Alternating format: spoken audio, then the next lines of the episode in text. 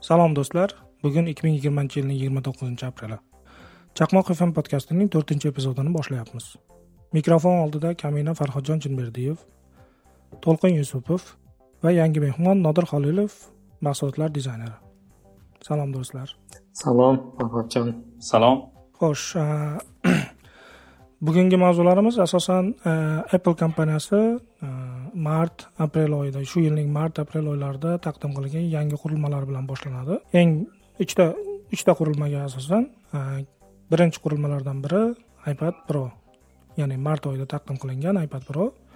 Bu yillar davomida apple kompaniyasi kelayotgan yo'lning eng noutbukka ya'ni biz ishlatib yuradigan masalan macbook pro macbook air kabi noutbuklarga eng yaqin planshetning eng yaqin versiyasi. To'lqin sizni hozir baribir e, ipad ipad pro bilan e, tajribangiz kattaroq. Shunga bu yangi qurilma haqida nima deysiz? E, aslida ipad proni bu ikki ming yigirmanchi yilgi versiyasi bilan qo'lda ushlab ko'rmasak ham bu videolarda vaqtdagi tafsilotlar haqida videolarni ko'rib chiqdim.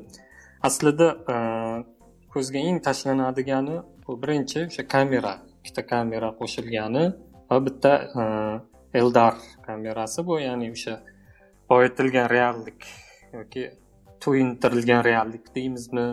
O'sha kamerasi qo'shilgani to'g'rirog'i datchik sensor desak ham bo'ladi.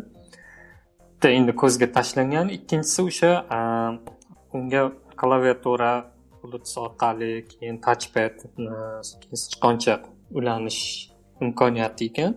Ya'ni o'sha bemalol kompyuter sifatida ishlatish mumkin va yana o'sha unga nima ham olish kerak. Taglik deydiyu.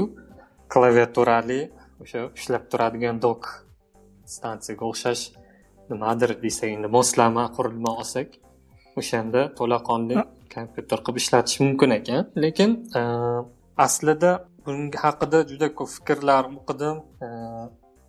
Ya'ni uni to bunaqa tayyor kompyuter holatiga keltirib olguningizgacha ancha xarajat bor? Ya'ni qutidan ochganingizda birlamchi holatda birdan kompyuter holatiga ishlata olmaysizda. Ya'ni planshet planshetligicha qoladi. Qo'shimcha jihozlab jihozlaganingizdan keyin kompyuter qilib ishlata olishingiz mumkinda. Endi eski ipadlardan farqi bitta o'sha bilganim kamera bittaligi lekin aslida e, real hayotda planshetda rasmga olish judayam e, kam kuzatyapman deyarli olmaymiz rasmga. Faqat juda nima bo'lganda facetimeda ya'ni old kameradan foydalanamiz e, suhbatlashganda lekin uni qo'lda katta unaqani planshetni ko'tarib rasmga olish bilmadim. Endi bu maqsad boshqa maqsadlarda ishlatilishi mumkin. Lekin real menimcha to'lqin siz ipad proni ipad pro sifatida emas ipad sifatida ishlatasiz. Shunday. To'g'risi. Xuddi shunday. Chunki ipad proni masalan agar rostdan ham pro bunaqa professionallar uchun mo'ljallangan shu yangi kameralari boshqalarni yoki masalan qanaqadir ovoz yozish qismlarini ishlatish uchun u boshqacharoq kasb bilan shug'ullanishimizga to'g'ri keladi. Masalan fotografiya yoki video video suratga olish yoki masalan musiqa yozish kabi. To'g'ri. Unaqa maqsadlarda? Qolgan holatlarda menimcha professional qismi u ko'proq bizga yordam beradigan qismi nima bo'lishi mumkin. Protsessor albatta ya'ni yaxshiroq masalan operatsion tizimni o'zidagi bajaradigan amallarimiz tezroq ishlashi kattaroq ekran albatta keyin ba'zi bir dizaynerlar uchun masalan chizish va hokazo mana apple appleni o'zi chiqargan qalam bilan shu shu narsalarda yordam berishi mumkin. Lekin qolgan holatlarda kontentni kontent e, masalan ko'rish biror narsa o'qish va hokazolar uchun yaxshi qurilma. Endi bir qiziq e, nima aytishyapti video blogerlar. ipad proni unga keyin o'sha klaviatura e, ulab ishlatish narxi ikkalasiniki taxminan oddiy yangi chiqqan macbook airdan qimmatga tushyaptida. Aslida tayyor holatdagi kompyuter bilan planshetni bu kompyuter holatiga keltirib jihozlash narx tarafdan ham qimmatga tushyapti va imkoniyatlari ham cheklangan imkoniyat degani qanaqa? Bittagina usb porti borligi usb cli shu tomonlama ko'pchilikda nima uyg'otgan shubha bu qanday bo'larkan? Albatta baribir mutaxassisni o'zidan obzorlari chiqsa eshitganimiz yaxshi. Menimcha bu bu masalada ipad pro ko'proq e, noutbuklarga past tomondan yaqinlashib boradi va juda katta anavi yaxshi tarafi bor ipad proni. Masalan biz qanaqa noutbuk sotib olishimizdan qat'iy nazar u agar surface noutbuk bo'lmaydigan bo'lsa unda noutbukni planshet sifatida ishlata olmaymiz ya'ni bitta o'zini. Shunday mana planshetni masalan o'zini ko'tarib divanda yotish mumkin yoki masalan ko'chaga shunchaki sumkaga solib olib chiqib ketish mumkin samolyotda ishlatish mumkin masalan yoki moshinada yoki masalan poyezdda ishlatish mumkin noutbuk ko'p holatlarda masalan agar joy torroq bo'ladigan bo'lsa u o'z o'zidan qulay emas noutbuk chunki klaviaturada yozasiz ekranni o'zida masalan tach ekran emas uni har doim ham ishlatib bo'lmaydi shuning uchun bu tarafdan men o'ylayman anavi e, haqiqiy kompyuter kerak bo'lmagan sohalardagi odamlarni ko'pi uchun ipad qulayroq. Juda men kuzatgani masalan e, nodir nodir ham nodir ham bilsa kerak e, grafik dizaynerlar ipad proga deyarli to'liq o'tib ketgan hozir. Nodir nima deysiz? To'g'ri deyarli bo'lmasa ham oxirgi paytda men kuzatayotganim ko'p illyustratorlar grafik dizaynerlar ko'proq solishtiryapti. ipad pro bilan vakuum vakuum gadjetlar bor vakuum mahsulotlari planshetlari grafik dizaynerlar uchun har xil illyustratsiyalar grafik elementlar chizish uchun apple pencil ya'ni ipad ipad apple apple pencilni chiqarganidan keyin ko'pchilik solishtiryapti youtubeda ham bir qancha bu haqida videolar bor. Lekin menimcha ancha apple deyarli vakuum bilan yaxshigina raqobat ham qilyapti bu sohada. To'lqin yuqorida siz aytib o'tdingiz masalan ipad pro bilan uni adashmasam mana klaviatura tagligi tagligi okey klaviatura keyin mana tachpadi bor qurilma magic magic keyboard deb ataladi to'g'rimi? Buning uchun atalgani lekin bosh nomi boshqacha bo'lsa kerak katta ehtimol bilan. Hmm, ha biz magic trackpad. Magic trackpad ha. Magic trackpad.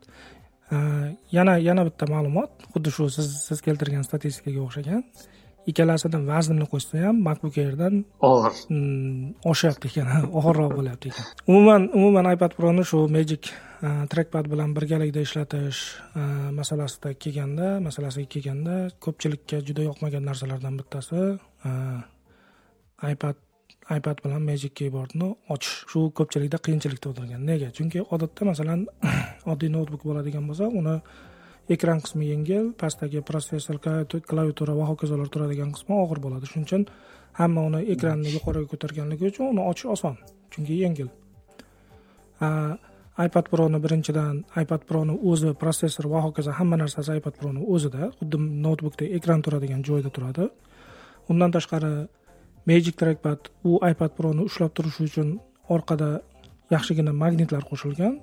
Shuning uchun klaviatura bilan tachpad turadigan qismiga ko'ra ipad pro va ipad proni orqasida turgan mana magic trackpadni orqasi u ikkalasi birgalikda og'irroq bo'lyapti ekan. Shuning uchun masalan biz noutbukni bitta barmoq bilan masalan bosh barmoq bilan ochishimiz mumkin bo'lsa uni hech qachon bitta bitta barmoqni o'zi bilan ochish mumkin emas. Albatta ikkala qo'lda ham ishlatishga to'g'ri kelyapti. Shu qiyinchilik asosiysi. Lekin endi masalan balki bundan ko'ra boshqacharoq keyboardlar chiqishi mumkin anavi logitech degan kompaniya yangi keyboard chiqarsa masalan uni ishlatish mumkin lekin magic trackpadni o'zi ham qimmat.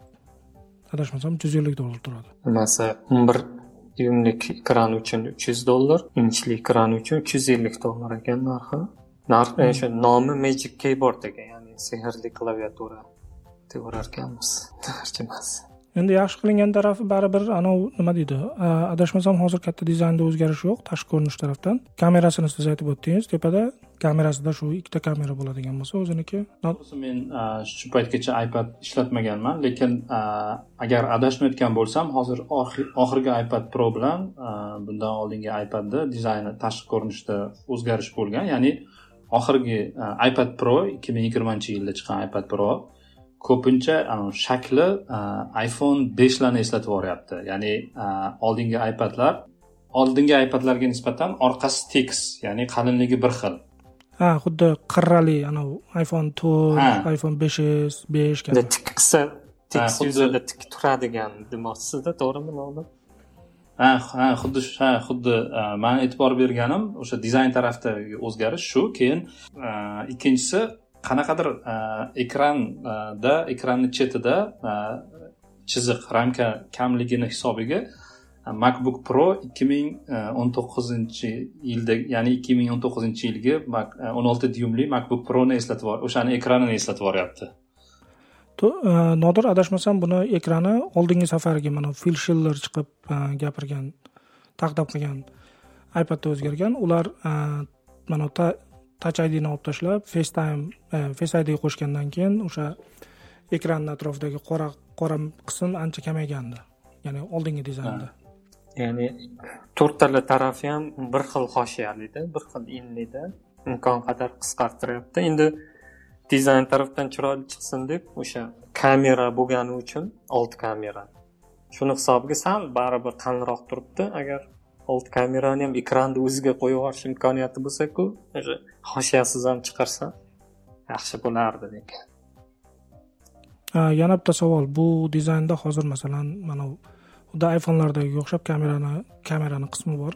To'rtburchak qismi o'sha chiqib turadimi yo ipadni orqadagi tekisligi bilan bir xilmi? Menimcha chiqib turadi. Hmm. endi hozir ha bo'ldi topdim. Yaxshigina chiqib turar ekan. Hmm. Ha uni orqasini orqa kamerani aytyapsizmi? Ha u chiqib turadi xuddi iphonedagi.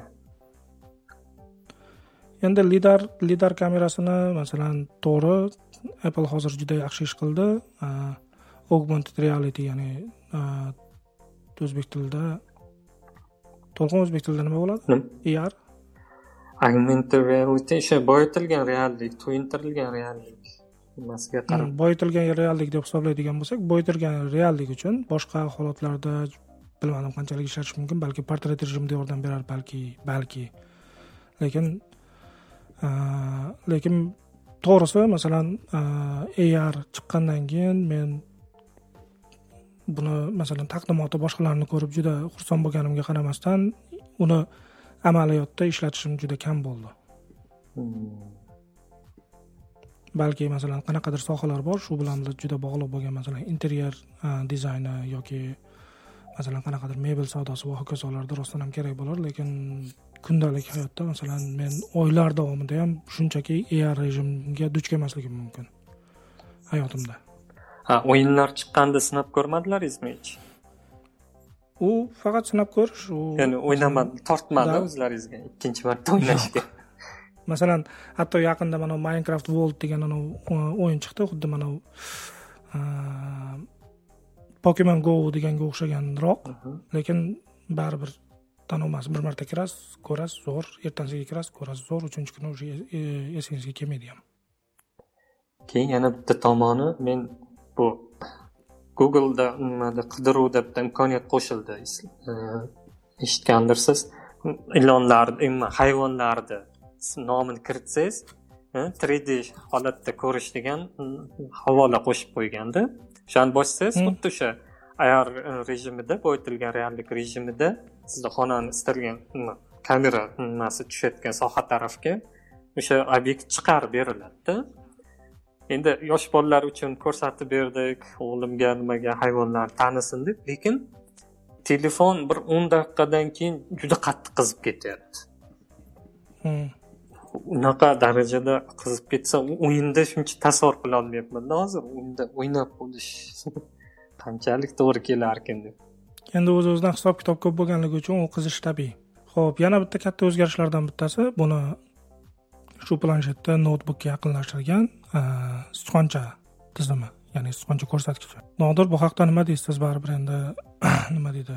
E, ilovalar dizayni bilan shug'ullanasiz. Bu hozir shu videolari yoki bu taqrizlarni ko'rib bildiradigan fikringiz qanaqa? Menimcha bu yaxshi imkoniyat. Ayniqsa dizaynerlar uchun ipad proni shu dizayn uchun ishlatish o'zi hozir har xil dizayn ayniqsa interfeys dizaynerlar uchun softver ya'ni dasturlar ancha rivojlanyapti. Masalan figmaga o'xshagan e, dasturlarni biz e, hatto e, ba'zi holatda dizaynerlar bilan dizayn dizaynlarni muhokama qilayotganda ipad ofisda ya'ni ipad ipadni katta ekranga ulatib ham ishlatib ko'rganmiz. Masalan figmaga o'xshagan brauzerda ishlaydigan dasturlar agar ну sichqoncha ko'rsatkichi ya'ni kursor borligi menimcha katta yordam beradi deb o'ylayman dizaynerlar uchun. Nafaqat dizaynerlar uchun barcha uchun. Bu yerda yana meni bilishimcha asosiy maqsad odamlar foydalanuvchilar xuddi o'zini makbookida yoki personal kompyuterda ishlatayotgandek feeling hissiyot o'zini hissiyotni berish uchun ham shu funksiya qo'shilgan bo'lishi mumkin. Bu bu funksiyani juda o'ziga xos tarafi sichqoncha shu kursor ya'ni kursor xuddi kompyuterdagidek erkin harakat qilmaydi. Qanaqadir tugmalarga yoki biror interaktiv elementga yaqinlashganda xuddi o'sha interaktiv element anavi ipadda qo'l bilan bosilgan holatga o'tadi yoki ingliz tilida hover deyishadi ya'ni sichqonchani ustiga olib borgandagi rejim. Masalan shu paytgacha ko'p ko'p ilovalarda masalan bu rejim unaqa juda e'tibor berilmaydi chunki berilmasligini sababi odatda biz qo'l bilan ekranda ekrandagi biror elementni bosganimizda u qo'l tagida qolib ketadi. To'g'ri yaxshi yaxshi ilova qiluvchilar albatta bunga e'tibor beradi lekin u baribir qaysiki bosilgan holati ya'ni biror tugma bosilgan holati. Lekin shu paytgacha masalan odatda shu tugmani ustiga kursor borgan holatini adashmasam biz mobil mobil hmm. interfeyslarda hech qachon qo'llab quvvatlagan quvvatlamaganmiz to'g'rimi nodir? To'g'ri to'g'ri. Bu tarafdan yaxshi imkoniyat. Aytganingizdek masalan interfeysda shunaqangi holatlar bo'ladi o'sha elementni ma'lum elementni ustiga e, sichqoncha kursorni olib borganda e, informatsiya ko'rsatiladigan holatlar bo'ladi. Tool tip hint deyiladi. E, rostdan ham mobil ilovalarda ya'ni touch bilan ishlatadigan qurilmalarda bu narsa shu paytgacha muammo bo'lib kelgan. Lekin nodir sizga ish ko'paydi deganda chunki endi ikki xil holatini chizmaysizda endi uch xil holat chizishingiz kerakda. Default ya'ni birlamchi dizayndagi ikonkani yoki biron bir elementni. Endi uni hover holatida sichqoncha ya'ni ustiga kelganda va u bosilgan fokus holati shu vaqtgacha ikki xil holatini chizardingiz. Endi ishingiz tasavvur qiling yana o'ttiz foizga ko'paydi elementlarni jihatdanda. To'lqin o'zi aslida nodirdan so'raydigan bo'lsangiz u holatlarda ikkita yoki uchta emas bir nechta sanashi mumkin yana. To'g'ri. Lekin meni o'sha tajribadan kelib chiqib aytishim mumkin ipad uchun hozir umuman boshqacha dizayn qilinyapti. Ya'ni ekrandan kelib chiqqan holatda. Agar siz mobil mobil qurilmalar bilan solishtiradigan bo'lsangiz iphone iphone'ga alohida ipadga umuman alohida dizayn qilish kerak bo'ladi hozirgi holatda. Ya'ni universal agar rostdan ham ipad foydalanuvchilarini o'ylaydigan bo'lsak bu holatda alohida dizayn qilgan ma'qul. Bu degani albatta ipad pro ham hisobga olinadi degani. Demak chizgan dizayningiz aynan ipad proni o'zida shunda qo'llaniladi. U boshqa oddiy ipadda yoki iphone uchun chiqmaydi u dizayningiz to'g'rimi? Ya'ni qurilmaga qarab dizayn o'zgarish imkoniyati bor. Oldingidek agar app app misolida aytdim ya'ni ilova bo'lsa veb veb sayt yoki veb interfeys emas aynan aytaylik bitta ilova bor. Uni ipad uchun ham dizayni bor iphone uchun ham dizayni bor. O'sha holatda misol sifatida keltirdim. O'rtoqlar meni bu yerda yana bitta narsa hayron qoldiryapti. Yangilanish sikli to'g'risi e, shu paytgacha ipad iphone kabi qurilmalar yilda bir marta chiqarilardi. O'tgan yildan boshlab adashmasam уже apple yil bir yilda ikki marta qurilmalarda qurilmalarda qanaqadir yangilab chiqaryapti. Masalan kuzda e, ikkinchisi e, bahorda. Bu masalan bahorga yangilanishga kiradi. O'tgan yili e, oktyabrda oktyabrda ham bir marta yangilangan adashmasam. Men avvallari qanday bo'lgan bilmadim. Oxirgi paytda sezayotganim apple bundan oldin yoki mana o'sha kuzdagi apple taqdimot marosimini ko'rganimda asosan kuzda adashmasam iphone ipadga o'xshagan qurilmalarni taqdimoti bo'lardi. Sentyabrda aytyapsiz. Bahor ha sentyabrda bahorda yoki yozda macbook pro macbook mac maclar taqdimoti bo'lardi. Hozir e'tibor berayotganim iphone se bilan ipad proni taqdimotsiz chiqarib yubordi. To'g'rimi shunaqami?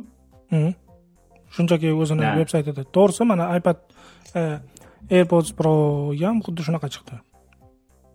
Alohida qanaqadir e, jurnalistlar chaqirib qanaqadir e, anavi tash taqdimot. Taqdimot.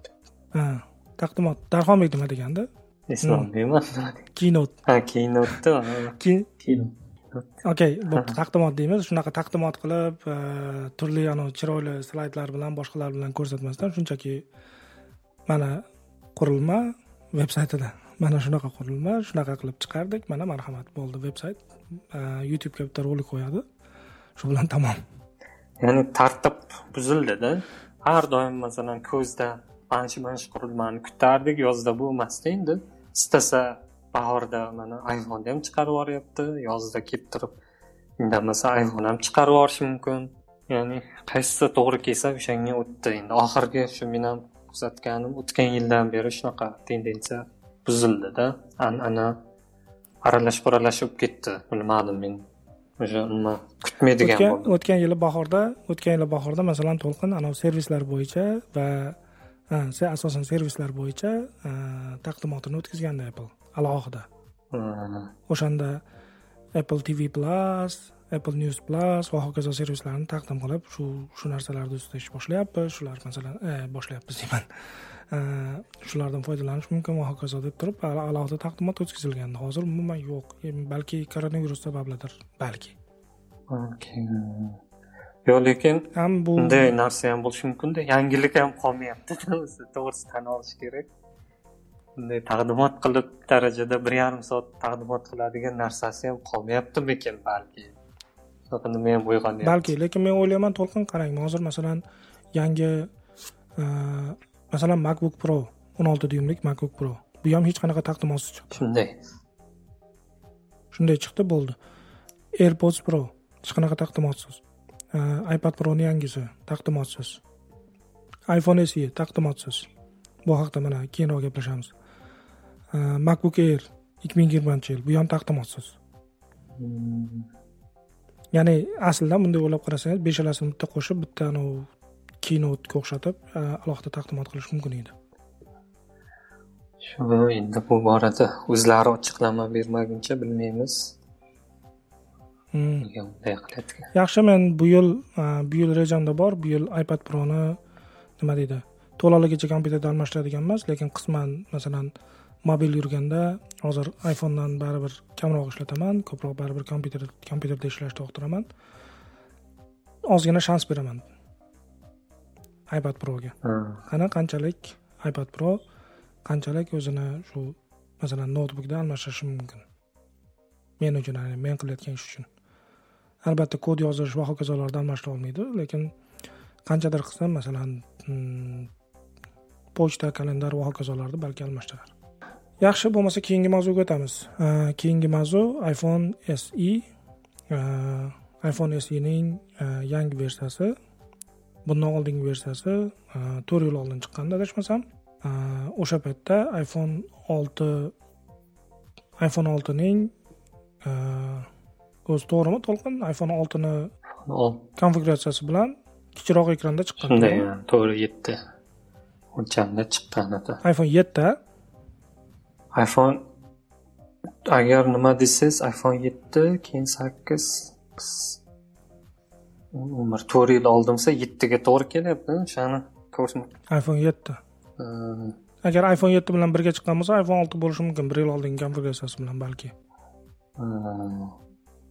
O'shanisiga qaramagan ekanman qayerda hmm. mayli bu yangi telefon. Yangi telefon bo'lganda ham bizni eng juda katta hayron qoldiradigan narsasi uni narxi. Apple apple kompaniyasining saytida uning narxi to'rt yuz dollar oltmish to'rt gigabaytligi to'rt yuz dollardan boshlanadi. oltmish to'rt gigabaytligi men meni o'zim masalan tajribamdan kelib chiqadigan bo'lsam oltmish to'rt gigabayt agar icloud ishlatiladigan bo'lsa ya'ni fotolarni qurilmani o'zida saqlamasdan icloud shu bulutli xizmatiga yuboradigan bo'lsangiz yoki masalan google fotos ishlatish mumkin. Bu holatda oltmish to'rt gigabayt bemalol yetishi kerak. Yetadi. Menda ham hamma qurilmalarim oltmish to'rt gigabayt hech unaqa sezganim yo'q shu vaqtgacha to'lib qolib yetmay qolish muammosi chiqmagan. Yana bitta juda e, katta yaxshi tarafi telefonda e, face id talab qilmaydi. Hozir karantin paytida hamma maska taqib yurgan paytida uni maskani yechmasdan yoki kodni kirgizmasdan unlock qilish mumkin ochish mumkin telefonda. Bu juda katta plyus chunki men masalan o'zimni iphoneim bilan to'g'risi ko'chada yurganda qiynalib ketdim. Maskani yechish mumkin emas yoki yechgingiz kelmaydi. Face id yuzni aniqlashga harakat qiladi aniqlolmaydi unga masalan ikki uch sekund ketib qolishi mumkin undan keyin parol terishga majbur bo'lasiz. Va bu har safar. Har safar shu muammoga to'g'ri kelyapmiz. O'zi face idni anavi qo'shilgan taraf katta plyuslardan bittasi nima edi? Masalan telefoningizdan cho'ntakda cho'ntakdan masalan telefonni oldingiz toki siz masalan shu yuqoriga svayp qilishingizgacha u yuzingizni aniqlab telefonni ochib qo'yish kerak. Shunga o'rgangan odam uchun masalan telefonda biror narsani ko'rdingiz solib qo'ydingiz cho'ntakka yana ko'rdingiz solib qo'ydingiz shunaqa tez tez ishlatishga ishlatish kerak bo'lgan holatda bu juda noqulay. To'g'risi lekin shu haqida bir yangilik o'qigandek bo'layam eslolmayapman ya'ni ikkita yuz qo'shish imkoniyatini qilib qo'ysa yaxshi bo'lardi. Bitta maskali holatimizda bitta maskasiz holatimizda. Shuni amalga oshirdimikan yo'qmikan to'lqin to'g'risi bu bu bor. Buni oti alternate face deb ataladi. Men meni o'zim ishlatadiganim men o'zim ochki taqaman. Masalan o'zi yuzimni o'zini kirgizganman keyin alternate face sifatida ochki taqqan holatimda kirgizganman. Ya'ni ikkala holatda ham yuz unlock qilish uchun ya'ni ochish uchun telefonni lekin ochki taqmaydigan odamlar alternate face sifatida nimani ishlatadi bilmayman to'g'risi bu imkoniyat borligini to'g'risi men unaqa bilmas ekanman nodir siz ishlatganmisiz buni? Yo'q. Shunda hozir siz o'sha maska ya'ni niqob taqqan holatda ham kiritib qo'ysangiz bo'ladi. Shundaymi uni bilmadim. Shuni sinab ko'rishimiz kerak. Maska holatida uni chunki maska holatida bo'ladigan bo'lsa u birinchidan iphoneni bu face idni qilgan holatda ular maska haqida o'ylamagan. Asosan bu shu anavi haqida o'ylagan. Ko'zoynak ko'zoynak haqida. Lekin yana bir tarafi bor. Masalan yaponiyada juda ko'p odamlar shunchaki bunaqa virus bo'lmagan paytida ham maska bilan yuradi. Xitoy balki ular ishlatar shunaqa eskidan shunaqa yurgan. Bir sinab ko'rish kerak ekan. Tekshirib ko'rish kerak ekan iphone o'sha se ya'ni iphone seni men iphone to'g'risi iphone bundan oldin men iphone Э, olti s qurilmasini ishlatgandim. Э, ko'rib chiqqanimdan keyin tashqi ko'rinishida tashqi dizaynda juda yam katta farq ko'rmadim. Deyarli farq yo'q iphone olti s bilan o'sha yangi iphone orasida. Э, faqat menga bitta yoqqan tarafi o'sha ranglarini ranglarida bo'ldi. Ya'ni oq rang qo'shilishgan qo'shishgan ekan. Undan oldingi space grey yoki o'sha grey unchalik yaxshi. Menga unchalik yoqmagandi. Sababi iphone to'rt iphone beshlardagi oq yoki masalan tilla rangda orqa tarafi bir xil o'sha faqat bir xil rang ya'ni orasida chiziqlar yo'q edi.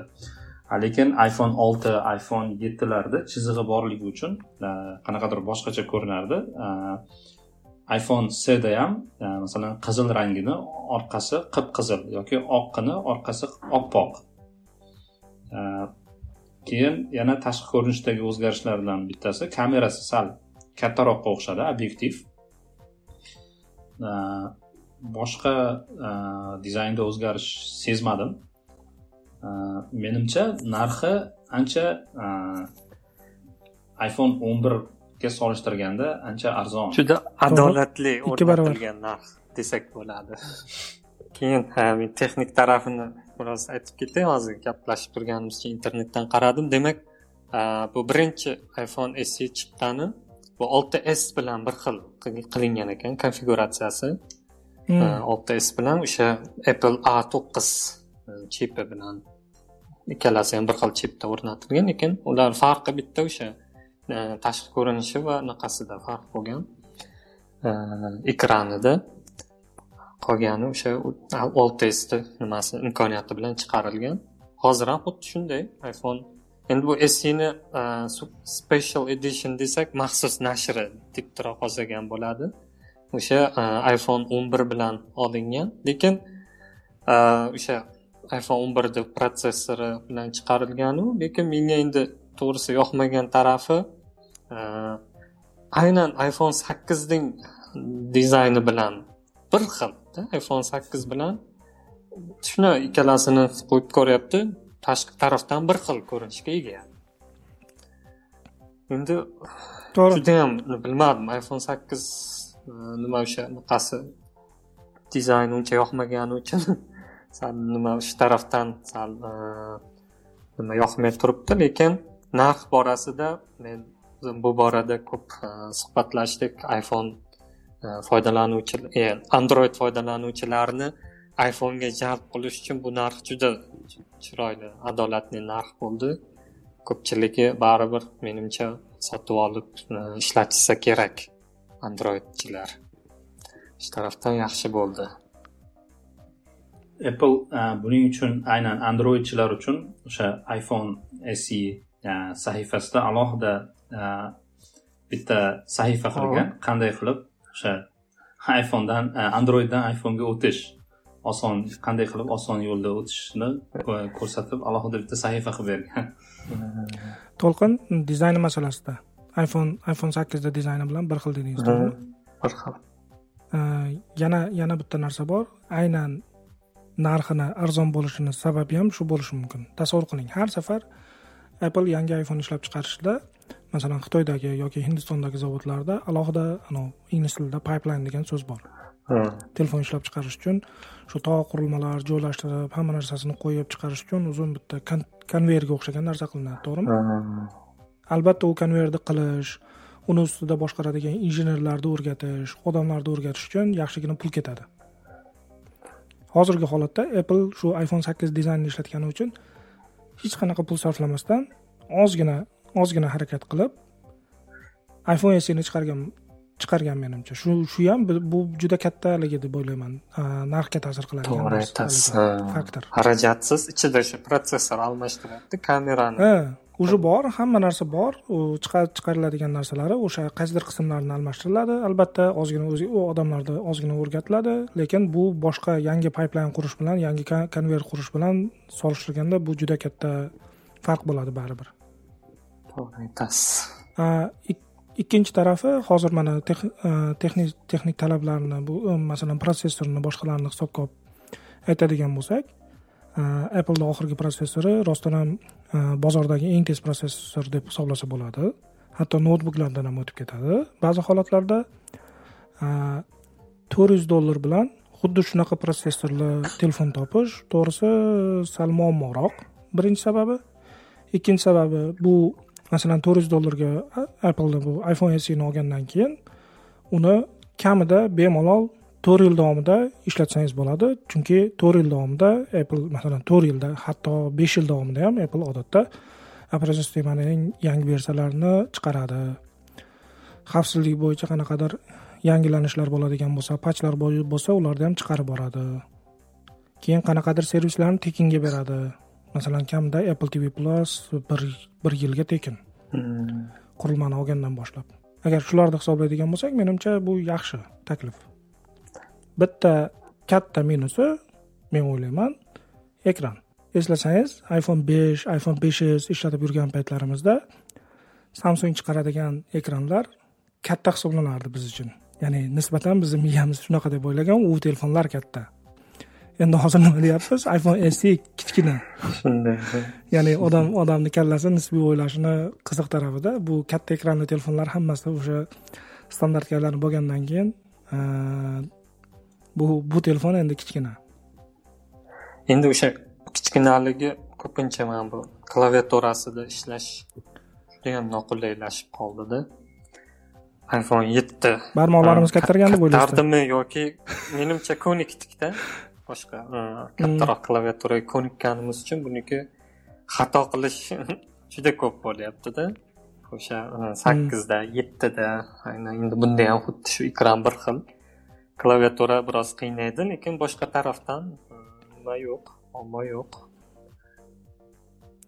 Oddiy e, doimiy iphone olib yuradigan odamlar uchun menimcha bu nima deydi shu android android ishlatgan ishlatayotganmiz. Aynan ios ios qurilmalar iphone ishlatib yurgan odamlar uchun men o'ylayman ikkita kategoriya bor. Ular uchun juda ma'qul. Birinchisi face id emas touch id ishlatadiganlar ya'ni uni yoqtiradiganlar uchun. Ikkinchisi men o'ylayman bolalar uchun. Shunday. Masalan agar bolalar uchun telefon olinadigan bo'lsa odatda albatta masalan iphone o'n bir yoki iphone o'n bir pro kabi telefonlarni mm, olish sal ikkilanadi odam. Keyin ekrani ham nisbatan kattaroq bu iphone esa men men o'ylayapman shu bolalar uchun masalan sakkiz to'qqiz o'n yosh bolalar uchun juda qulay deb o'ylayman men. Haqiqatdan narx tarafdan ham o'ta qimmat emas narx tomondan ham masalan iphone o'n bir proni olib masalan sakkiz to'qqiz yoshli bolaga baribir berib qo'yish sal mm, hamma uchun ham oson emas. Shunday. Demak bu qurilmani shu androiddan jalb qilish uchun taklif qilish narx tarafdan siz aytgandek keyin o'sha yosh farzandlarimizga bolalarimizga taklif qilsak haqiqatdan yaxshi. Mhm. Yaxshi yechim topildida to'g'ri. Yana bir apple menimcha qarayotgan bozorlar bor. Hindistonga o'xshagan bozor. Adashmasam hindistonda bir bundan oldingi iphone seni oldingi versiyasi juda mashhur bo'lgan ko'pchilik ishlatgan. Shunday. Ho'p bu yerda men iphone sni bitta kamerasi haqida ozgina gapirib o'tmoqchiman. Ko'pchilik ko'rayotgan bo'lsa iphone sni kamerasi iphone tenarni kamerasiga o'xshab ketadi. Ya'ni bizni biz tomonlarda iphone xr deb atalgan nomi bilan mashhur bo'lgan telefon bor.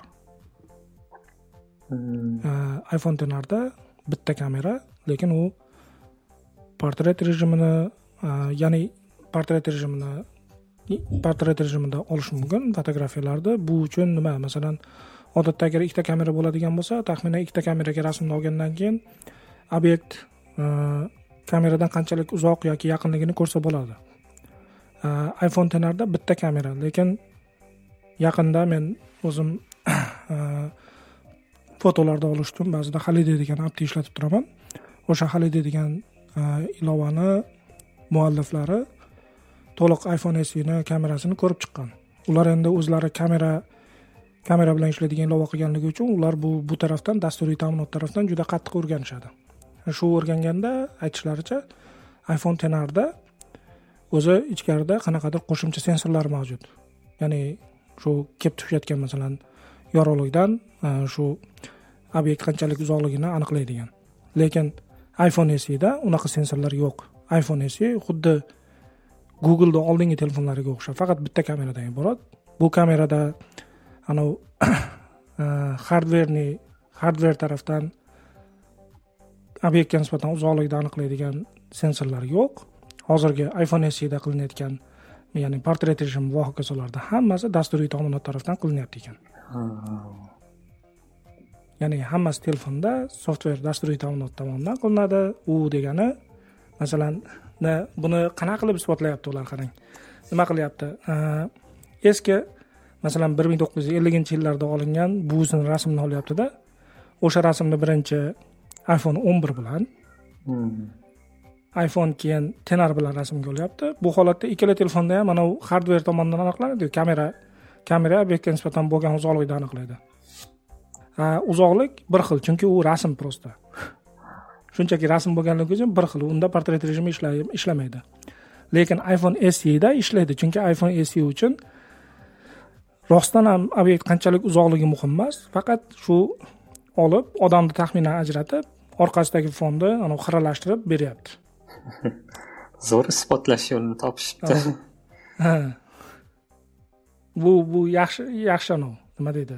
Ah, keyin baribir har qanday holatda ham sekin sekin masalan narsalar anavi dasturiy ta'minotga o'tib boradiki o'tib borishi bu yaxshi narsada. U masalan qarang qancha narsa atrofimizda bor edi qurilmalar har xil ah, kalkulyator mana jurnallar va hokazolar hammasi hozir telefonni ichida hatto oxirgi masalan aynan mana yaqinda gaplashganimiz ar e, boyitilgan reallik chiqqandan keyin hatto ana chizg'ichlar ham ananga o'tib ketdi.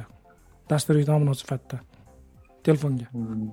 Ho'p e, bo'lmasa keyingi mavzuga o'tamiz yana.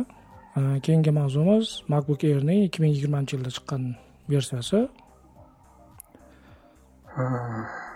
Bu haqda to'g'risi men biror narsa deyishim juda qiyin. Bitta yaxshi tarafini bilaman klaviaturasi yaxshi.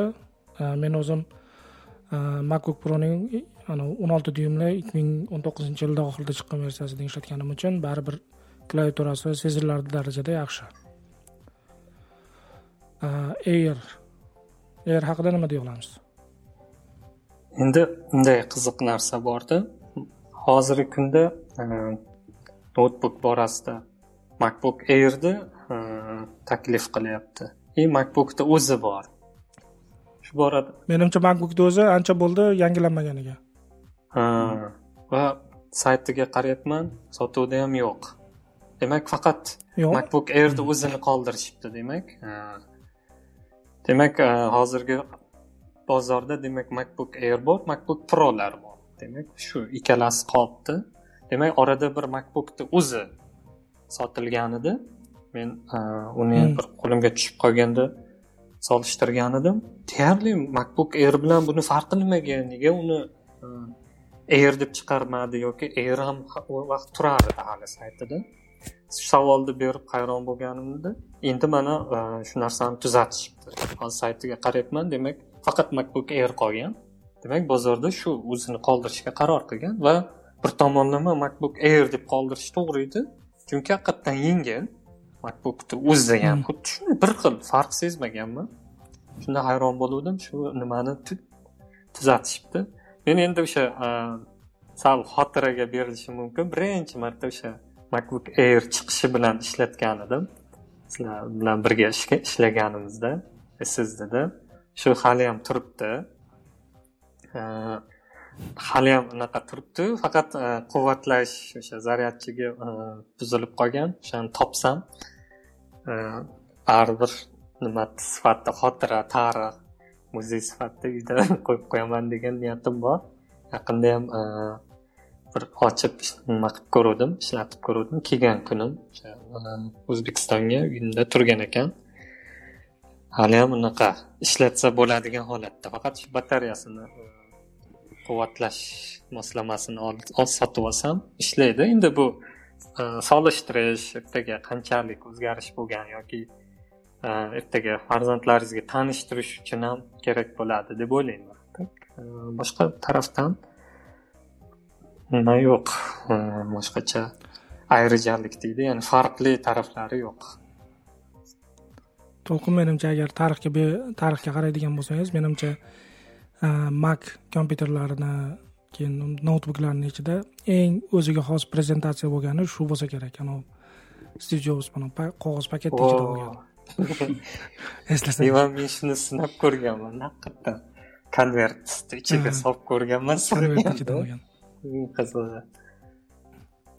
O'zi menimcha to'lqin hozir aytdingizu masalan macbook o'zi apple saytidan yo'qolib ketibdi deb shu masalada sal apple nima deydi? Mahsulotlarni nomlanishini haqida sal o'ylab ko'rish kerak. Masalan macbook air bor bizda macbook pro bor to'g'rimi? Hmm. iphone se bor iphone bor iphone pro bor. Shunday imac bor imac pro bor. Hmm.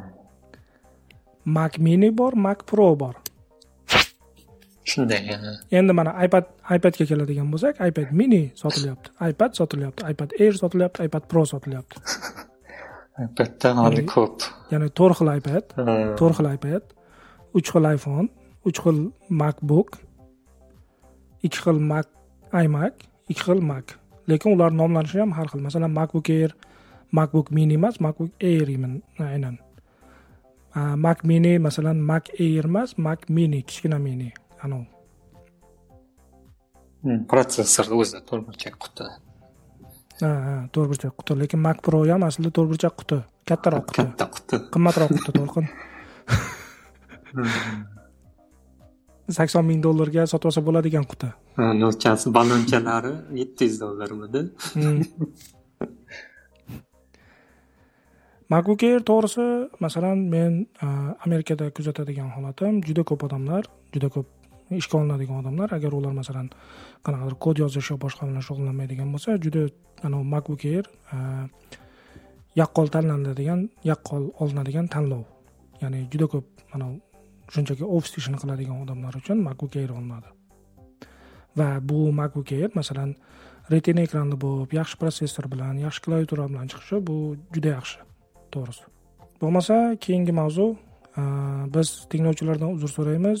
E, bu qurilmalarda shu uchala aytib o'tilgan qurilmani ham biz o'zimiz ishlatib ko'rganimiz yo'q. Bu faqat shu divanda kresloda o'tirib aytilayotgan fikrlar. Keyin masalan ba'zi narsalar uchun juda unaqa zo'r tayyorlanganimiz yo'q to'g'risi. Uzr so'raymiz bu, bu masalada. Keyingi mavzumiz google o'zbekistonda soliq to'lashni boshladi degan mavzu. To'g'risi men google shu umuman shunaqa texnologik kompaniyalar internet kompaniyalari o'zbekistonda soliq to'lashiga ijobiy qarayman doim.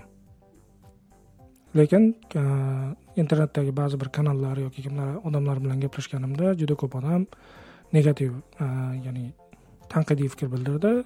Ya'ni bu soliq to'lanadigan qo'shimcha qiymat solig'ini oxiri borib odamlarni o'zi ya'ni o'zbekiston aholisini o'zi to'lashi mumkin deb. Shu masalada men masalan uh, apple apple haqida ozgina to'xtalib o'tardim. Uh, menimcha apple aynan ilova sotib o'zbekistonda juda kam pul qilsa kerak deb hisoblayman. Ya'ni atrofda rostdan ham uh, ya'ni valyuta kartochkasi ochib buni o'zini apple hisobiga ulab keyin app storedan ilovalarni sotib oladigan yoki servislarni ishlatadigan odamlar nisbatan kam meni atrofimda. O'zbekistonda aynan. Shuning uchun bu bunga aynan apple masalasida bilmadim qanchalik tanqidiy men agar men to'g'risi appledan kutmagandim bunaqa ish qilishini. Ya'ni o'zbekiston ular uchun haligi yo'q bozordek gap aslida. O'zbekiston masalan bozori bor nima yo'qligi nima menimcha katta ahamiyati yo'q apple uchun. Bu lekin shu ishni qilganidan ko'rinib turibdiki apple masalan odatda har doim bunaqa masalaga duch kelgan va har doim shu soliq to'lash rejimiga o'tgan. Chunki appleda masalan dasturiy taomlar ishlab chiqaradigan akkauntini oladigan bo'lsa hisobini oladigan bo'lsa u hisobda hisob bilan ochilgan pochtaga har doim xat keladi. Biror davlatda qanaqadir soliqlar evaziga narxlar o'zgarishi. Narxlarni to'g'irlash bo'yicha bunaqa xatlar menga juda ko'p kelgan. O'zbekiston uchun ham yaqinda oxirgisi keldi. Lekin bu qanaqadir o'zbekiston uchun maxsus narsa emas. Apple har doim shunaqa ish qilgan har doim narxlarni to'g'irlagan va bu tabiiy holat deb hisoblayman. Va hozirgi holatda masalan soliq bu bu kompaniyalar baribir masalan yandexga o'xshagan kompaniyalar yoki netflixga o'xshagan kompaniyalar biz uchun bizda o'zbekistonda aholisidan pul oladi. Ular qanchadir qismini davlatga to'lashi va u pul masalan soliq bo'lib davlat byudjetiga tushib u keyin o'qituvchilarga oylik bo'lib boradimi yoki tibbiyot xodimlariga oylik bo'lib boradimi yoki kimgadir pensiya bo'lib borishi bu bu juda yaxshi deb hisoblayman men to'lqin.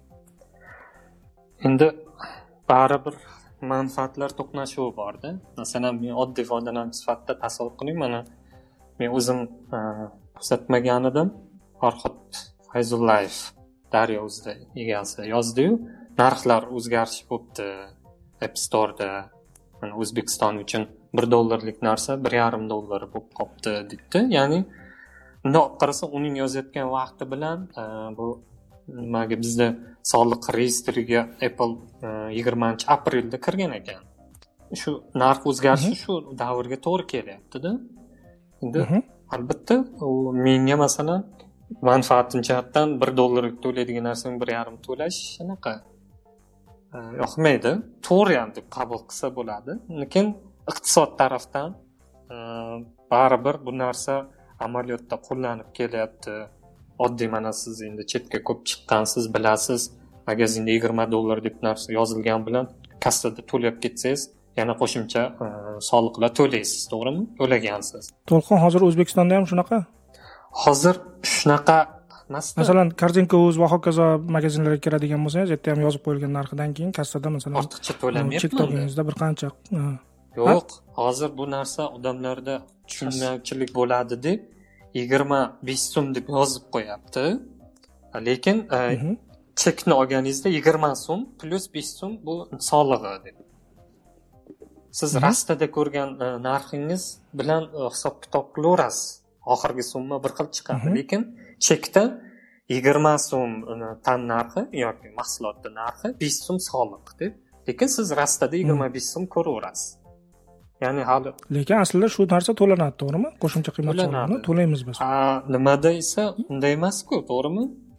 Yigirma so'm yozadi lekin siz kassada yigirma besh so'm to'lab chiqib ketasiz. Chet elda masalan amerikada shunaqa masalan yigirma so'm o'sha rastada yozilgan bo'lsa keyin chiqayotganingizda undan ustiga besh so'm qo'shiladi va yigirma besh so'm to'lab chiqib ketasiz shunda endi bu ham bir balki bizani sekin tayyorlab borishdi. Apple ham balki shuni bilgan holatda bir dollar deb turib kartamizdan bir yarim dollar yechib olganda boshqacha bo'lardida. O'shaning uchun ham oshirib qo'yayotgani hamma narsa ko'rinib turgani yaxshi deymanda. Oddiy apple odatda soliqni masalan o'zi to'laydi masalan siz amerikani kartasi bilan app storedan biror narsa sotib oladigan bo'lsangiz ikki yuz to'qson to'qqiz dollarga sotsangiz ikki yuz to'qson to'qqiz sizdan yechib olinadi. Keyin u o'zi davlatiga qarab soliqni to'laydi. Ya'ni masalan farhod fayzullayev yozayotgan bo'lsa farhod fayzullayev ham kanada uchun kanadada shu apple farhod fayzullayevni hisobidan pul to'laydi.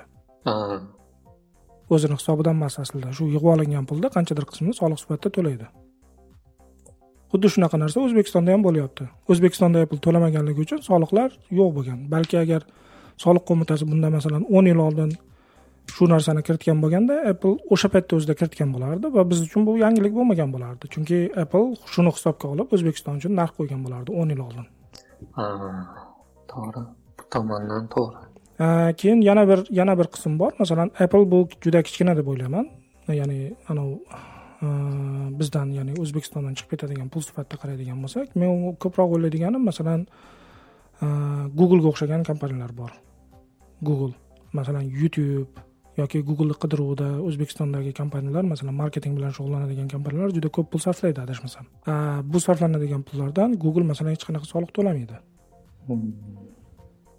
Ehm, men o'ylashim bo'yicha google o'zi soliq to'lash kerak. Bu unaqa yomon mm, nima deydi tanqidiy qaraydigan narsa emas. Yoki netflixni masalan ehm, internatsional anavi bu qaysidir davlatlar uchun alohida narxi bor qaysidir davlatlar uchun просто umumiy narx bor. Hamma davlat uchun bir xil. O'sha narx bo'yicha hammadan yechib oladi pulni lekin soliq to'lamaydi. Bu soliq qo'mitasida ro'yxatdan o'tganini hisoblaydigan bo'lsak netflix ham bu masalada soliq to'lashga tayyor. Birinchilardan bo'lib yoki turli xil ro'yxatda turli xil o'yinlar bor. Mana activision blizzard.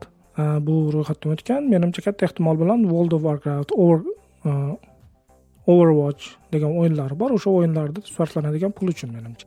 Shunchaki masalan siz turkiyada yashayapsiz. Hozir turkiya uchun bu narsa kamida o'n yil oldin hal qilib bo'lingan masala deb o'ylashimiz mumkin biz. Biz uchun yangi. Shuning uchun bu narsalar yangi kiritilayotgani uchun o'zim man xalq sifatida biz masalan soliqqa har doim ham e, to'g'ri qaramaymiz bunda to'g'ri davlatni ham qanchadir qism ayb bor. Masalan davlatga ishonmaymiz biz. Ochiqlik yo'q. Ya'ni shu soliq soliqni orqasida masalan to'lanayotgan pul qayerga ketyapti?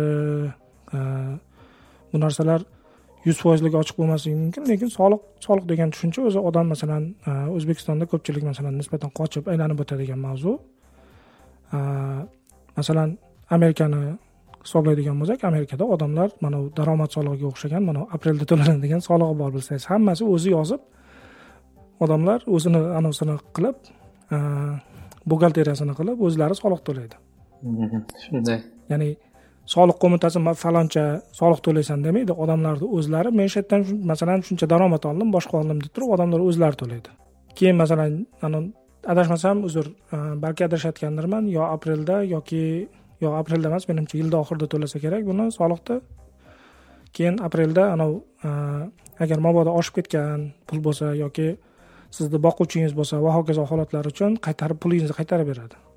Ya'ni masalan bizda ko'p holatda e, davlatni ham bir tarafdan qism anavi o'ylaydigan narsasi bor. Yaqinda sherzod shermatov aytdi. Masalan kimdir e, o'zbekistonda yashab frilansing bilan shug'ullanib Э, masalan chet eldan pul olib kirayotgan bo'lsa bu yaxshi lekin soliq to'lamayapti to'g'ri u odam lekin yana bir tarafi bor u odamni masalan o'g'li maktabga bolasi maktabga borishi mumkin yoki o'zi oilasi bilan tibbiyotdan foydalanishi mumkin va hokazo kabi narsalar bor.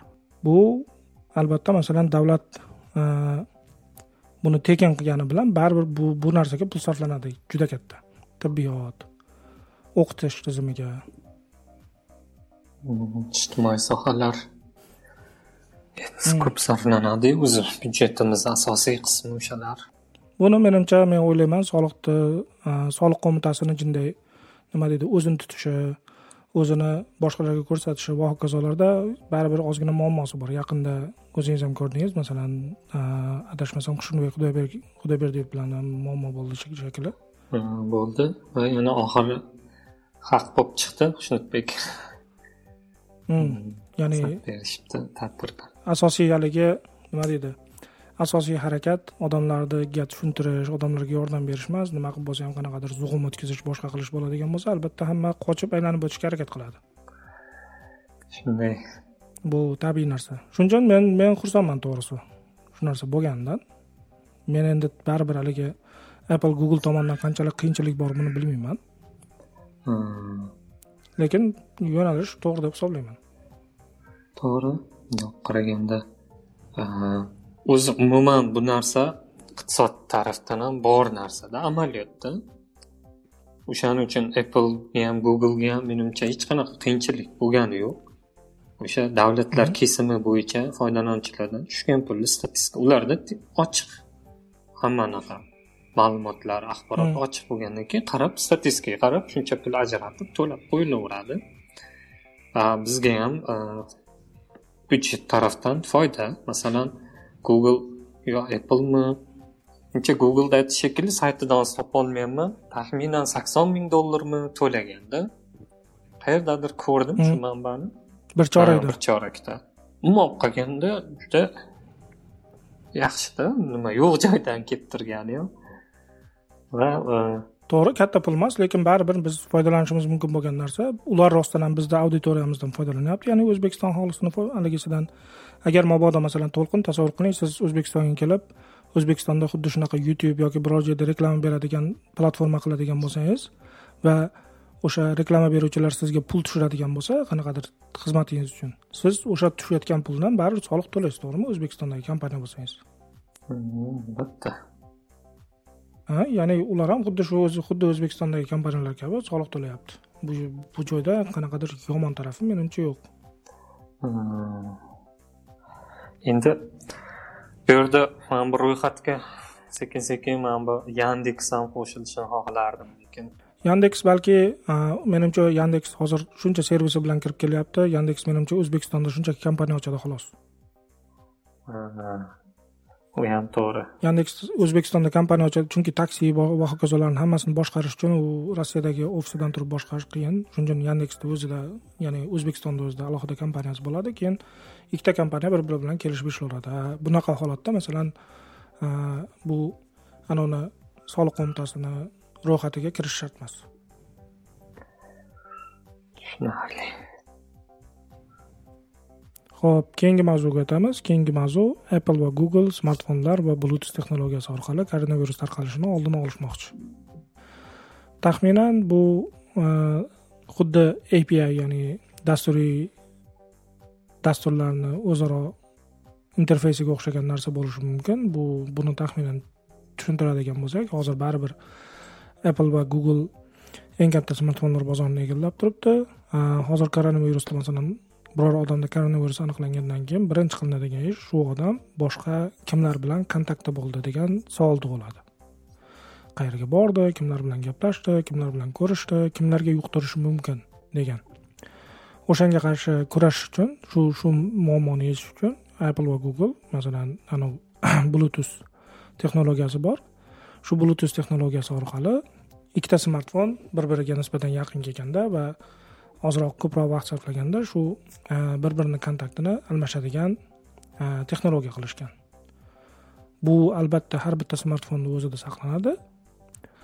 E, keyin masalan o'n besh kun davomida saqlanadi va agar shu odamda masalan smartfon egasida agar koronavirus aniqlanadigan bo'lsa va biror davlat idorasi yoki tibbiy idora shu haqida so'raydigan bo'lsa shu smartfonni o'zida oxirgi o'n to'rt kun davomida bo'lgan kontaktlarni olish mumkin bo'ladi.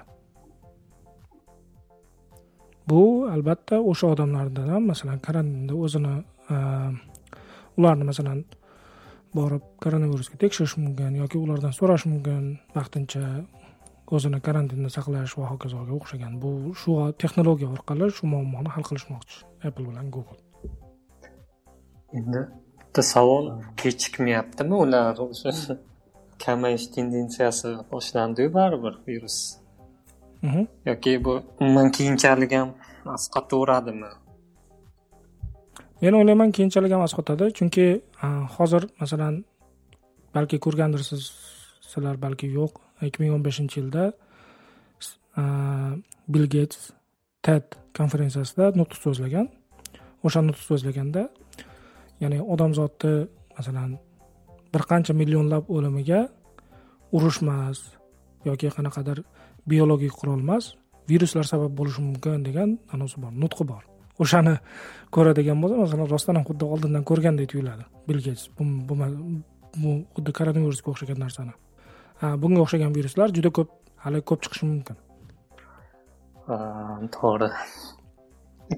Э, yana bitta tarafi bor. Masalan shu paytgacha ya'ni e, yigirmanchi asrning oxirigacha e, odamlar nisbatan o'troq yashagan.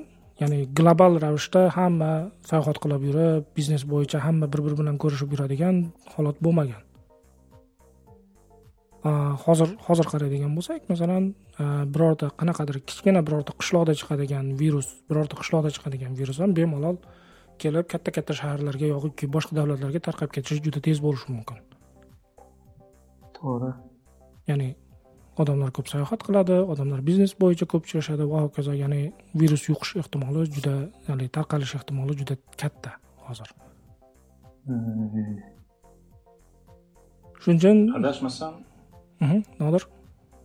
Apple bilan googleni birinchi hamkorlikdagi loyihasi bu agar adashmayotgan bo'lsam. Bu o'zi aslida bundan oldin ham qanaqadir hamkorlikda bir narsalar qilishgan lekin bu buni bugun mana o'qiganim bo'yicha o'zi aslida buni appleda anavi find my degan servisi bor bilsangiz. Find my iphone va hokazo. Keyin oxirgi shu find my iphoneni oxirgi versiyalari qanaqa ishlaydi? Xuddi agar internetga ulamagan bo'lsangiz ham lekin yoningizda ios bilan qurilmalar bo'ladigan bo'lsa o'sha yo'qolgan telefon shu qurilmalar bilan gaplashib xuddi mesh texnologiya deydi. Shu qurilmalar bilan gaplashib anavini lokatsiyasini berib yuborishi mumkinda ya'ni sizga yetib kelishi mumkin agar telefoningiz offlayn bo'ladigan bo'lsa ham masalan bluetooth yoniq bo'lsa. Bular apple appleni shu anisi jamoasi googlega chiqib google bilan birgalikda ishlab shu shu texnologiyani anavi ko'tarishgan. Ishlab chiqishgan ya'ni. Endi mana texnik tarafdan tushunmayotganlar bo'lishi mumkin. O'sha nima edi? Kam quvvatli bulut texnologiyasi asosidada to'g'rimi? Hmm, ya'ni masalan odatda bluetoothda haqiqiy bluetoothda ishlatadigan bo'lsangiz naushnikka ulab yoki boshqa narsaga ulab odatda batareykani ko'proq yeydi anani quvvatini telefonni quvvatini ko'proq ketkazishi mumkin. Bluetooth low energy ya'ni kam quvvatli bluetooth e, bu batareykani nisbatan kamroq yeydi adashmasam anavisi ham e, faqat shunga o'xshagan holatlar uchun ishlatish uchun ya'ni telefon anavi naushnik bilan boshqa bilan bo'lmasa ham lekin shu holatlar uchun juda qo'l keladi. Yana bitta savol chiqadi. Bu hamma qurilmada standart holatda yoniq turadi bu texnologiya to'g'rimi? Mhm. bluetoothni o'zini o'chirib qo'yganimiz ham lekin bu kam quvvatli bluetooth yoniq turadi deganimi endi shunda. Uni bilmadim. Uni to'g'risi bilmadim lekin baribir odamlar juda ko'p odamlar anavi deb qo'rqishi mumkin. Xavfsizlik tarafdan masalan odamlarni hayotiga aralashish aralashmasligi chunki agar masalan telefonni o'zida saqlangan holatda ham shifrlangan bo'lgan holatda ham qanaqadir imkoniyat bo'lishi mumkin qanaqadir holatlarda buni olib olish mumkin masalan. Yoki shunchaki davlatlar masalan unchalik nima deydi insofi yo'q davlatlar просто shu holatda foydalanishi mumkin odamlarni rostdan ham kim bilan uchrashyapti kim bilan uchrashmayapti degan narsasini ko'rgani. Shu men o'ylayman apple bilan google qilayotganda buni baribir biz uchun sistema anavi tizimni o'zida imkoniyat bo'ladi buni batamom o'chirib qo'yish imkoniyati. Hmm. umid qilaman bundan tushunarli endi lekin mana o'ninchi aprelda e'lon qiluvdi. Bu haqda mana yigirma kun o'tdi. Hali yangilik yo'q. Aytishlari bo'yicha mayda ichida har xil mana sog'liq bilan bog'liq salomatlik bilan bog'liq bo'lgan ilovalarni qiladigan servislarni qiladigan odamlar ishlatib ko'rishi mumkin ya'ni sinov uchun nima beradi deb apik o'xshab sinov uchun beta versiyadagi keyinroq menimcha agar agar yaxshiroq ishlab shu to'la to'laqonli ishlab ketadigan bo'lsa birorta anavi tizimni yangilanishi bilan chiqib ketishi mumkin hammaga.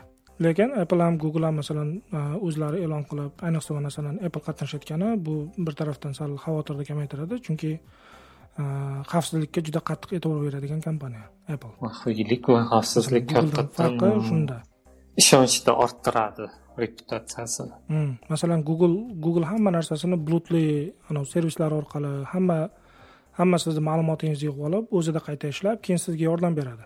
Masalan e, fotolaringizni ham to'liq o'zini serverlariga yuklab olib keyin o'sha joyda mashin learning texnologiyasini ishlatib odamlarni yuzini aniqlaydimi qanaqadir e, hayvonlarni topadimi boshqa qiladimi hammasini o'zida o'zida qiladi. Apple hamma narsani foydalanuvchini o'zini o'zini qurilmasida qiladi. Shu ikkalasida masalan katta farqi bor shu masalada. Chunki apple masalan o'zida o'zini serverlariga yuklab olib o'zida qilishini noto'g'ri deb hisoblaydi. Ya'ni meni meni ma'lumotlarim o'zimda qolishi kerak va o'zimda qayta ishlanishi kerak. To'g'ri. Hmm, ko'ramiz qanaqa ishlaydi qanaqa yo'q. Baribir masalan agar e, bu texnologiya chiqib hamma omma omma ishlatishni boshlagandan keyin baribir podkastimizda gaplashamiz bu masalani. Yaxshi endi oxirgi mavzuga o'tamiz. E, koronavirus va karantin. E, Nodir adashmasam siz masofadan ishlash bo'yicha o'zbek tilida yaxshi maqola yozgandingiz. O'zingizni tajribangiz bilan bo'lishsangiz uydan ishlash qanaqa bo'lyapti? Qanaqa ta'sir qildi koronavirus karantin sizga ish jarayoniga avvalo karantin to'g'risi oldin o'ylamagan ba'zi narsalar haqida kelajakdagi umuman rejalar haqida oila davrasida vaqt o'tkazish haqida ya'ni unumli vaqt o'tkazish oila bilan vaqtni unumli sarflash haqida ko'p narsalarni o'ylash majbur qildi. Yoki aniqrog'i o'ylashga yordam berdi. Ish masalasida oldindan o'sha ko'pincha basecamp kompaniyasi yozgan remote yoki o'sha getting real kitoblarida yozilgan remotda qanday qilib effektiv ortiqcha ovoragarchiliksiz yaxshi natijalarga erishish mumkinligi haqida ko'p o'qirdik. Va haftasiga adashmasam kamida o'zi avvaldan men haftasiga bir kun kamida o'sha remote masofa masofadan ishlar edim. Menga judayam unaqa katta o'zgarish bilingani yo'q. Eng asosiy bilingan narsa ya'ni biz o'sha dizayn jamoamiz hamma birdaniga remotga o'tgani uchun har kuni fizik tarafdan e, umuman e, bitta xonada bo'lib e, muhokama qiladigan narsalar birga yaqindan ishlash yo'qolganiga ozroq boshida qiyin bo'ldi. Lekin shu har xil tajribalarni o'rganib effektiv ishlashni yo'lga qo'yib oldik. Eng asosiy o'sha karantinni ta'sir qiladigan karantinda ta'sir qilayotgan jihatlardan biri ko'chaga chiqish kam judayam va o'sha kam harakat bo'lgani uchun produktivnost. Samaradorlik. Samaradorlik oldingi oldingichalik emas baribir. Menda to'g'risi nima deydi? Xuddi shu siz aytgandek masalan oldin men ham masalan bir kun ikki kun uydan ishlab turishim uydan uydan ishlab turadigan holatlarim bo'lardi hozir e, masofadan ishlaganda ishlaganimda va masofadan ishlashda ham gap emas aynan karantin bo'lganligi uchun ikkita narsa juda katta menga zarar yetkazdi deb hisoblash mumkin. Birinchisi masalan qanaqa maska bo'lishidan qat'iy nazar baribir maskada chiqib ko'chada piyoda yurib masalan aylanish qiyin nafas olishga baribir xalaqit beradi. Men turli maskalar sinab ko'rdim lekin baribir noqulay. Ya'ni oldingidek masalan kechqurun chiqib piyoda aylanib biror narsa eshitib yana qaytib kelib keyin bunaqa holat kam. Masalan ko'chaga chiqadigan bo'lsangiz asosan nima uchun chiqasiz? Hm, biror mahsulot olgani yo boshqa qilgani xarid qilgani shunga o'xshagan holatlarda. Ikkinchi masalasi ko'p holatda men agar uydan ishlaydigan bo'lsam kechasi ishlash rejimiga o'tib qolishim mumkin. Bu bilmadim tabiiy ravishdami yoki boshqa faktorlar bormi lekin ko'p holatda shunaqa. Kechasi ishlaganimdan keyin u albatta kunduzi kechroq turaman. Kunduzi kechroq turgandan keyin komanda bilan nisbatan aloqa kamroq bo'lishi mumkin va shu orqali masalan odam o'zini yomon his qiladi odatda. Ya'ni xuddi to'g'ri kechasi ishlayapsiz lekin baribir kunduzi komanda bilan kamroq ishlaganingiz uchun xuddi xayolingizda kamroq ishlayotgandek his qilasiz o'zingizni shu ikkita narsani aytishim mumkin. Qolgan holatda bizda endi masalan men o'zim ham blog post yozganman qolgan holatda bizda baribir koronavirus bo'lgan bilan bo'lgan epidemiyada axborot texnologiyalari sohasida ishlaydigan odamlar katta zarar ko'rmadi. Chunki ular masalan bemalol ishini uyda ham davom ettirishi mumkin. Bu tarafdan bu menimcha biz biz uchun juda katta plyus to'g'ri to'lqin mana to'lqin haqiqiy siz haqiqiy karantinda bo'ldingiz to'g'risi? Tabriklayman bu tajriba bilan umid qilaman boshqa takrorlamaysiz. O'zi umuman olib qaraganda hozirgi endi masofadan ishlash bo'yicha nima ketdi. Hayotim doim shu masofadan ishlab yurgan ekanman. Hech narsa o'zgarmadi. Faqat shu ko'chaga chiqib yoki bir nima bilan jismoniy tarbiya yoki yugurib yo tabiat qo'yniga borib kelish nimalarni yo'lga qo'ygandim. O'sha narsalar yo'qligi biroz nima qildi lekin nima ish borasida hech qanaqa o'zgarish bo'lmadi. Endi men aynan bir o'zim ishlaganim uchun shunaqa. Karantin borasida haqiqatdan e, xorijdan kelganim uchun bizni e, karantinga joylashtirishdi. E, aslida bir o'zim bo'lganimda yoki faqat yosh kattalar yosh bolasiz bo'lganimizda qiyin bo'lmasdi. Sababi bitta xonada bemalol erkin yotib turib ovqat yeb bemalol ishlasangiz bo'ladi bular edi to bu anaqa o'rta saroyda alohida karantin hududi yaratib u yerdan o'sha konteynerlar ichida telefonni olib qo'yilgan holatigacha yaxshi. Agar hozir karantinga tushib qolsa juda qiynalishimiz tabiiy chunki na ishlab bo'ladi na telefon internet yo'q. Nima qurilmadagi noutbuklarga ham ruxsat berilmaydi. Bu albatta jiddiy ta'sir ko'rsatgan bo'lardi lekin meni davrimda bu narsa qiyinchiliklar bo'lmadi. Faqat shu e, yosh bola farzandimga biroz qiyinchilik tug'dirdi. E, o'zi maska taqolmaydi tashqariga olib chiqay desangiz xonani ichida biroz siqilib hech qanaqa e, hech narsa olib keltirish imkoniyati ham bo'lmay qoldida. Endi mana mashinalar ham yurishi taqiqlangandan keyin biroz qiynaldik lekin hmm. Biz bilan turgan boshqa yoshi kattalar yosh bolasiz nimalar maza qilishdi. Yotadi turadi televizor ko'radi internet bor tayyor uch mahal ovqat. Shu tarafdan e, sezilmadi. Endigilar qiyin bo'layotgani aniq. Shunga e, internet bor deganingiz qanaqadir wi fi yoki biror narsami yoki o'zingiz telefoningizda nimada mobil internetda ishlatish menimcha e, yana bir tarafi bor biz e, hisobga olmagan nodir to'lqin ijtimoiy tarafi deb o'ylayman. Men ko'proq masalan do'stlar bilan ko'rishish biror joyga chiqish oila bilan dam olish va hokazoga o'xshagan narsalar. Masalan ayniqsa bahorda biz bolalar bilan chiqib varrak uchirmoqchi edik. Shunga o'xshagan hamma narsalar man e, rejadan batamom chiqib yo'q bo'lib ketdi lekin baribir masalan kimlar bilan ko'rishib turish baribir odam ijtimoiy haligi ijtimoiy jonivor deyishadiyu odamni shuning uchun bu narsa ham kerak. Masalan shunchaki zoom orqali boshqa orqali to'g'ri gaplashish yaxshi boshqa lekin baribir chiqib ko'chaga biror joyga borib biror kafeda yoki boshqada o'tirib kofe ichish va hokazo yoki xohlagan boshqa mavzularda gaplashish baribir boshqacha. Lekin deyarli ko'nikdik. Agar mabodo keyingi safar birinchidan bo'lmasinu yo mabodo keyingi safar yana xuddi shunaqa bo'ladigan bo'lsa biz oldindan tayyorlanamiz. Oldindan qisqasi tayyor bo'lamiz. Bunaqa katta tajriba bo'ldi desak bo'ladi. Katta tajriba bo'ldi. Endi bundan keyin hamma shunga tayyorgarlik holatda ish ko'ra boshlaydida. Bir tomonlama foyda ham bo'ldida. Ya'ni ta'lim sohasida. Albatta mana shunotbek bilan gaplashganimizda aytadi masofaviy ta'limni tushuntirolmasdi. Qilishga haqida vaqti tasavvur ham bo'lmasdi ularda debdi. Mana endi hozir sekin endi oddiy mm, ibtidoiy usullarda masofa ta'lim o'tyaptiyu lekin tajriba borda har qalay boshi tank etib urildi.